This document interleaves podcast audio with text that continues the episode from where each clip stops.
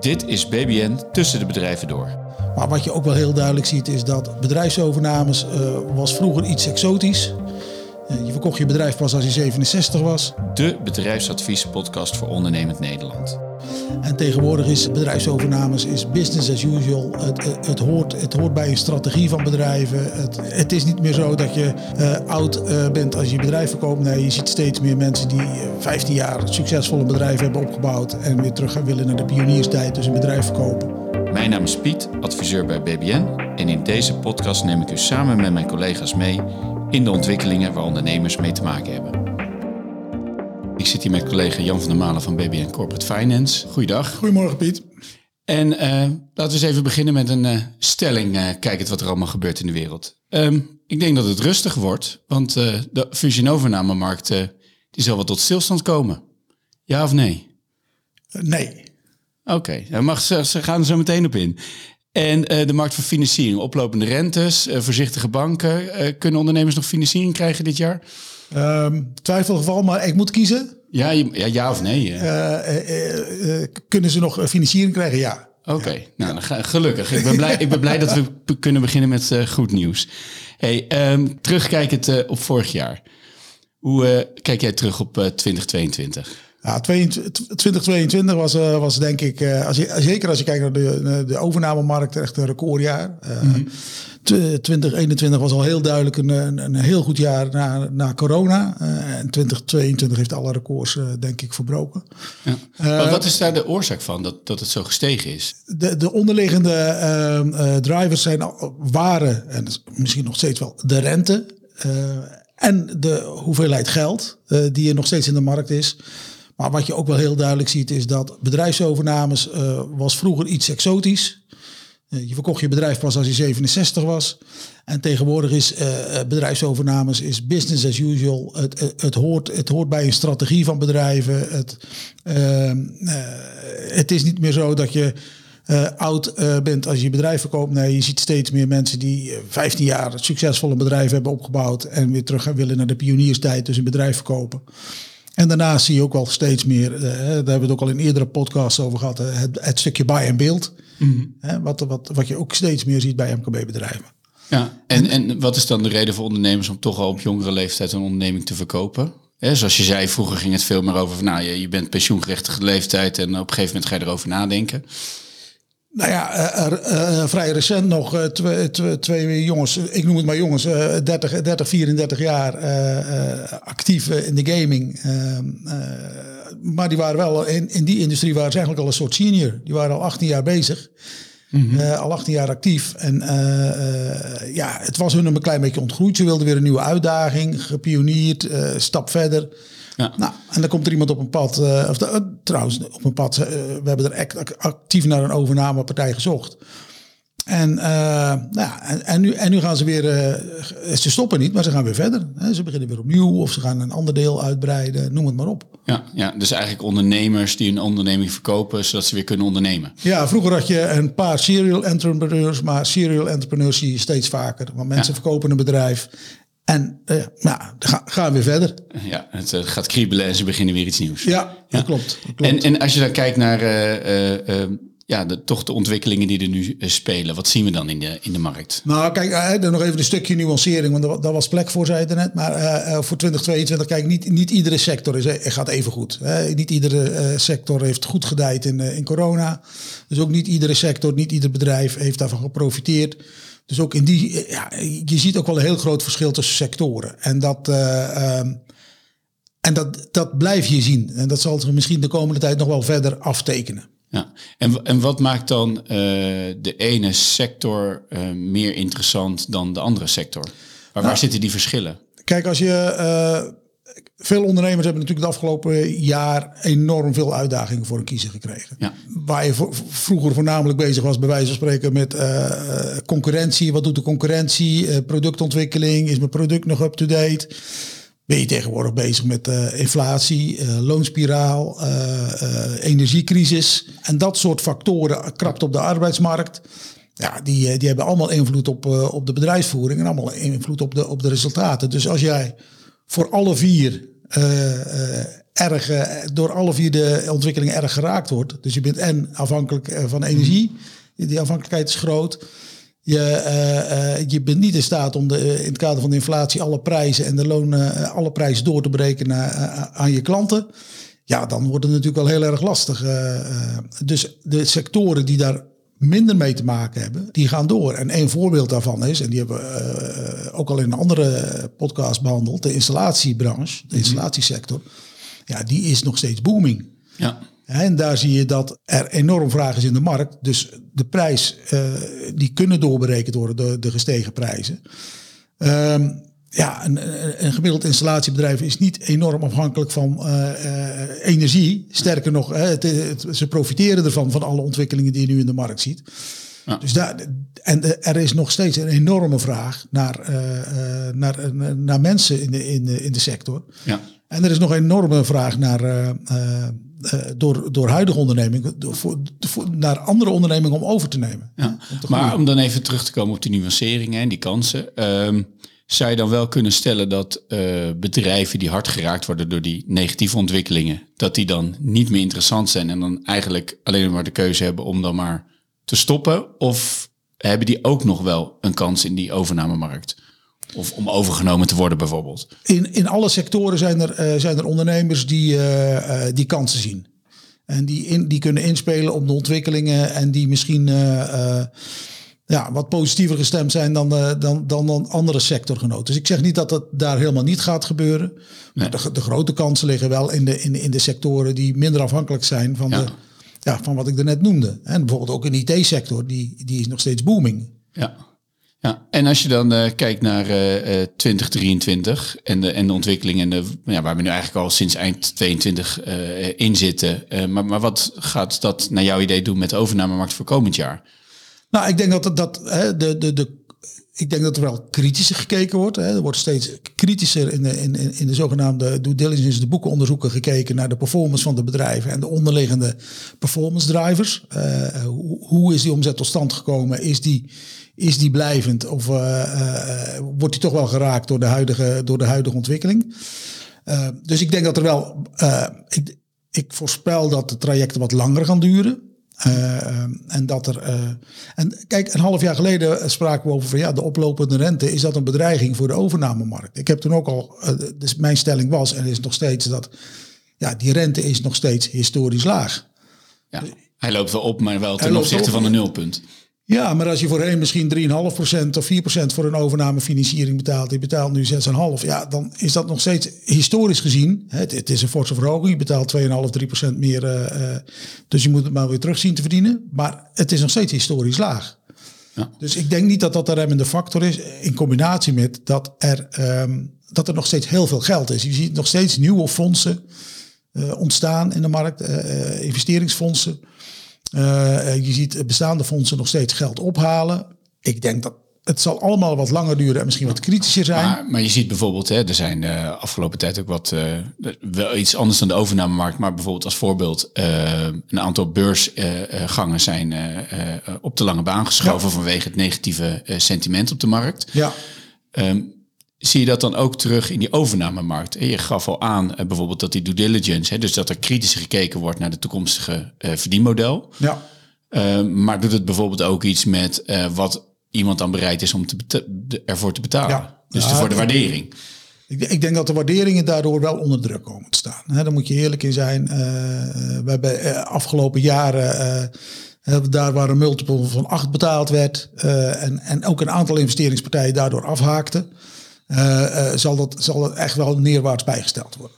Ja, ja. Dus, dus als je hem dan eh, eh, plat slaat, dan zal je zien dat enerzijds zal er veel kritischer gekeken worden naar het, bedrijf, het, achterliggende, het onderliggende bedrijfsmodel. Ja. Hè, eh, hoe ziet de omzetontwikkeling eruit? Hoe ziet de margeontwikkeling eruit? Eh, en aan de andere kant, hè, nadat je al die berekeningen hebt gemaakt, dan zal je zien dat die vertaalslag van het verdienmodel naar een waardering, dat daar Ja. andere, laat ik zeggen, eh, multipliers inkomen dan, eh, dan, dan in 21 en 22. Voor sommige sectoren zeker. Hè, En ik, ik, ik denk dat een IT-sector nog steeds gewild is. Eh, ik denk dat de installatiesector nog steeds gewild is. Maar- er zullen bepaalde transacties zullen. En kijk, een multiple is één. Hè. Maar wat je, en, en, eigenlijk zag je, dat, zag je dat al langere tijd, is dat de transactiestructuur uh, aangepast wordt op het risico. Dus als je je bedrijf verkoopt, krijg je dan je bedrag in één keer. Of zit er toch nog een stukje vendorloon? Dus een, een, een, de, de verkoper die nog een, stukje meefinanciert. Uh, klinkt heel, heel, heel gek, maar dat zie je toch vaak gebeuren. En, ja. en de meeste verkopers en, en, en, en wij ook niet, wij zijn niet zo fan van earn-outs. Dat, dat leidt altijd tot discussies. Ja. Maar je ziet het wel steeds meer ontstaan en soms een combinatie daarvan. Ja, dus dan krijg je inderdaad een eh, soort uh, variabele koopprijs. En dan met de prijs die uiteindelijk afgesproken wordt, ook nog een, een betaalregeling. Ja. En uh, nou, we zien natuurlijk inderdaad, we hadden het al even net hè, over die stijgende rente. Dus je zegt ook van, nou, ze zijn nog steeds laag, maar ze stijgen natuurlijk wel. Ja.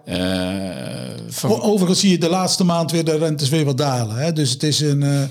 Het is, het, is, het is een hele, hele aparte markt. Uh, dus je, moet, je, moet er kort, je moet er kort op de bal zitten ja. om het te volgen. Maar een, uh, in de financieringstrajecten waar we nu mee bezig zijn, hebben een indicatieve rente gekregen. En een maand later wordt die naar beneden bijgesteld in de definitieve offerte. Ja, en dan, dan komen we inderdaad meteen op de tweede stelling. En dat ging natuurlijk over ja, de markt voor, voor financieringen.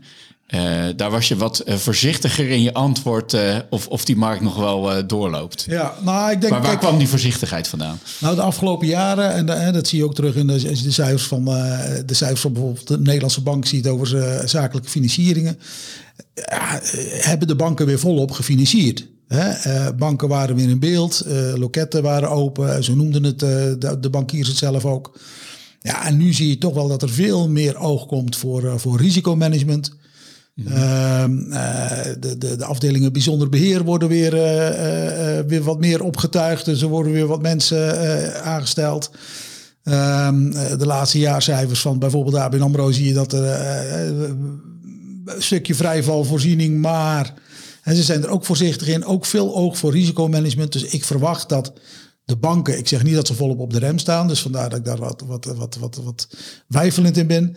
Maar je ziet dat de banken toch wat gas terugnemen als het gaat om financieren. En, en toch veel meer naar risicomanagement weer de focus uh, nog, nog verder verleggen. Ja, ja. Ja, en er wordt natuurlijk veel uh, gesproken inderdaad over uh, inderdaad het risicomanagement bij banken, wat natuurlijk ook vanuit ECB veel controle op is. Er wordt natuurlijk ook sterk gekeken naar marktontwikkelingen en ja, hoe dat meegenomen wordt in financieringsaanvragen en ook in die uh, risicoanalyse. ja. Um, maar is, is dan de oplopende rente het grootste probleem in financiering of vooral hoe banken erin staan en hoe welwillend ze zijn om te financieren? Durven nou, ze het nog wel? Nou, dat laatste. Hè. Kijk, uh, uiteindelijk is dan de klant uh, aan het bedrijf om, om te bepalen of ze bereid zijn de, die hogere rente te betalen. Maar je, je noemde het ook al, het monitoren van, van klanten. Uh, gelukkig dat veel banken nu al, al, al, een soort korte route hebben voor, voor, voor, om nieuwe klanten aan boord te nemen. Maar daarvoor, uh, een half jaar geleden, duurde een financieringsaanvraag zes weken en, een, uh, en, en, en, het openen van een rekening in drie maanden. Ja. Hè, dat is gelukkig al teruggebracht. Dus je ziet dat banken daar wel op, op dit moment op een andere, andere manier mee omgaan. Ik, dus ik denk niet dat het aan de rente ligt. Ik denk dat de, de, de, ja. de banken gewoon wat algemeen. Hè, er, wordt ook, er, is, er wordt ook al veel gesproken over. Komt er een recessie? Ja of ja. nee? Maar zijn banken dan bovengemiddeld voorzichtig? Nou, maar dat hoort terughoudend. dat, dat zijn banken natuurlijk altijd al uh, voor het grootste gedeelte geweest. Ja. Maar en, en, en, waarom ik daar ook wijfelend in was, is omdat je ook weer. En kijk, daar waar gaten ontstaan, zie je partijen die ergens inspringen. Of dat nou in de financieringswereld is ja. of, in andere, of, of in andere sectoren. Ja. Er zijn altijd partijen die kansen zien. Er zijn altijd partijen die kansen zien. Nou, je ziet een enorme groei de afgelopen jaren van, uh, van crowdfunding. Voor met name de lagere, uh, de kleinere bedragen bij MKB-bedrijven. Maar je ziet ook, hè, in, de afgelopen jaren zie je ook al groei van, uh, van de mezzanine-partijen. En mezzanine, hè, dat, is, dat is Italiaans, is dat een mooi woord, dat is vertaald tussenverdieping. Mm -hmm. En dat is eigenlijk ook een klein beetje een tussenverdieping tussen uh, enerzijds aandeelhouderskapitaal en anderzijds bankaire financiering. Puur gericht op kaststromen. Uh, dus geen zekerheden, maar kaststromen. Nou, de rente zit daar een stuk hoger. Maar goed, je geeft, eh, de, de, als ondernemer heb je de keuze van ga ik of uh, aandelen uh, verkopen of aandelen uitgeven en daarmee verwater ik en haal ik geld op of betaal ik wat meer rente aan de mezzaninepartij. En eigenlijk zie je nu weer al partijen daartussenin zitten, tussen mezzanine en de bank. En die zeggen van ja, wij kijken naar het stukje wat al bankair gefinancierd is. Ehm, de ondernemer wil groeien, wil uitbreiden. De bank is niet bereid om dat extra stuk te doen, want er is een gebrek aan zekerheden. Binnen de bank heb je altijd uh, de bekende uh, tafel met de vier poten waarop, ze leunen. Rentabiliteit, de ondernemer, de zekerheden en de solvabiliteit. Nou, als er aan die zekerheden iets, iets, iets schuift of iets mis is, of solvabiliteit, nou, dan haken de bank af. En dan zijn er inmiddels partijen die zeggen, nou, weet je, dan nemen wij dat stuk bankair, nemen wij over van de bank. Mm-hmm. En daarnaast verstrekken we het groeikapitaal. Ja, dus eigenlijk een nieuwe ontwikkeling ten opzichte van, hè, vroeger ging eigenlijk bijna alles bankair. Toen kwamen die nieuwe partijen aan boord, maar toen werd het vaak uh, duaal dat en de bank en zo'n uh, bijvoorbeeld een crowdfunder uh, dat gezamenlijk deden. En nu ga je dus weer de andere kant op. Ja. En, en wat, wat um, betekent dat ook dat dan dat hele financieringstraject en de financieringsaanvraag, dat je dat als ondernemer dan ook anders moet insteken, omdat je met een andere partij dan een traditionele bank aan tafel zit? Ja, kijk, als, als je het heel plat, plat slaat. Tien jaar geleden liep je als ondernemer een bank binnen en die bank werkte voor jou je financieringsaanvraag uit. Nou, ik, ik, tegenwoordig zie je dat het, het echt veel beter werkt als je een partij inschakelt die namens jou als ondernemer zorgt voor een goed financieringsmemorandum. partijen die de taal van de bank van de financier spreken.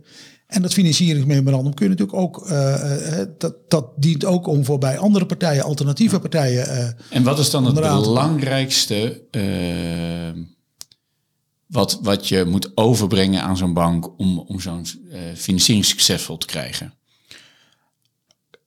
Uiteindelijk zit, zit iedere financier, of het nou een bank is, een mezzaninepartij of wat voor partij dan ook, is, wil haar geld terug. Ja. Je huurt eigenlijk geld. Ja. Het geld is niet van jou, dat geld moet terug. Uh, of je, je, moet, je moet, rente betalen, maar uiteindelijk moet je ook dat geld terugbetalen. Ja, uiteindelijk moet je ook dat geld terugbetalen. En er is geen enkele bank uh, financiert met het oog op van nou, het zal wel niet goed gaan, maar dat zien we dan wel. Nee, iedere bank gaat ervan uit dat het goed is. Nou, goed gaat. En dat is bij andere financiers ook. Dus waar banken, maar ook andere financiers heel erg sterk op leunen, is je, is je vrije kaststroom. In hoeverre ben jij, in, in hoeverre is jouw, uh, uh, heb jij genoeg voldoende capaciteit? De debt service capacity ratio noemen ze zo heel mooi. In hoeverre ben jij in staat om je aflossings- en je recht, ja. renteverplichtingen, dus je financieringsverplichtingen te voldoen? Ja. En die speelt, die speelt ook een rol bij banken. En banken hebben daarnaast nog de zekerheden. Mezzaninepartijen of, of, of andere partijen die achtergestelde leningen verstrekken, hebben dat niet. Dus die leunen nog zwaarder op die kaststromen. Ja. En dan, en dan, en dan, en, nog, en dan, dan nog, sorry dat ik je onderbreek, maar nog genees dat je, dat je zegt van nou, de, de, de, de, de, de ratio moet 1,2 zijn. Nee, maar hoe, hoe is die onderbouwd? Hoe, ja. hoe, dus als je als ondernemer um, die, die kant op gaat, de financiële kant op gaat, moet je vooral heel veel focus hebben op de onderbouwing van de kaststromen. Ja, want dat, dat wilde ik inderdaad uh, net vragen. Van, jij gaf aan van um, vroeger liep je als ondernemer de bank in die werkt een financieringsvoorstel voor je uit en dan kon je dat wel of niet accepteren. En je zegt tegenwoordig, er zijn uh, A, dat landschap is veel groter geworden van financiers. Ja. Het zijn niet alleen maar banken. En B, uh, gaf je ook aan van, dat het van belang is om daar ook met een gespecialiseerd partij samen die financieringsaanvraag te doen. En wat is dan de reden dat je dat als ondernemer ook dan samen met een andere partij moet doen? Wat, wat, wat, wat voegen die toe? Nou, kijk, een partij die zich daarin uh, gespecialiseerd heeft, die, uh, uh, je zou kunnen zeggen, ik doe het bij mijn, bij mijn controller of bij mijn, bij mijn CFO of financieel directeur. Maar die is niet gewend om te denken in hoe, hoe, financiers denken. Het kan zijn dat je, dat je wel zo iemand aan boord hebt. Ja, dan heb je misschien geen andere partij nodig. Maar je moet in ieder geval iemand erbij betrekken die weet hoe financiers denken. Die ja, ook wel een taal spreken misschien. En die dus ook op, op die manier ook in staat zijn om, uh, om, om, om, om uh, goede memoranda, goede voorstellen te maken. Hoe zo'n financiering gestructureerd kan worden. Ja. Ja, en dan is het inderdaad vooral uh, het uitleggen van het verhaal en de ondernemer ook helpen om dat verhaal en vooral het achterliggende verhaal achter de cijfers, om dat goed te verwoorden. Ja, de, de, de, de achterliggende verhaal, de onderbouwing van de cijfers. En waarom het, het, het meer dan aannemelijk is dat dit bedrijf deze cijfers gaat presteren in de toekomst. Ja. En dan uh, kan de ondernemer toch tot een succesvolle financiering komen. Dan kan de ondernemer zeker ook, ook in lastigere tijden uh, tot een succesvolle financiering komen. Maar ook daarvoor geldt eigenlijk dat ik wel verwacht dat die trajecten wat langer gaan duren. Ja, ja. en daar, vandaar ook de nuancering in de stelling waarmee we begonnen. Klopt, helemaal. Nou, helemaal. Maar go goed om te horen dat er ook in 2023 nog steeds kansen liggen in de M&A-markt. Zeker. En dat ondernemers ook nog steeds waar nodig financiering kunnen ophalen. Ja. Dankjewel Jan voor je verhaal. Oké, okay, fijne dag. Deze podcast werd mogelijk gemaakt door BBN Corporate Finance. Wij ondersteunen ondernemers bij overnames en bedrijfsfinancieringen. Wilt u sparren over uw eigen situatie? Neem dan gerust contact op met BBN Corporate Finance.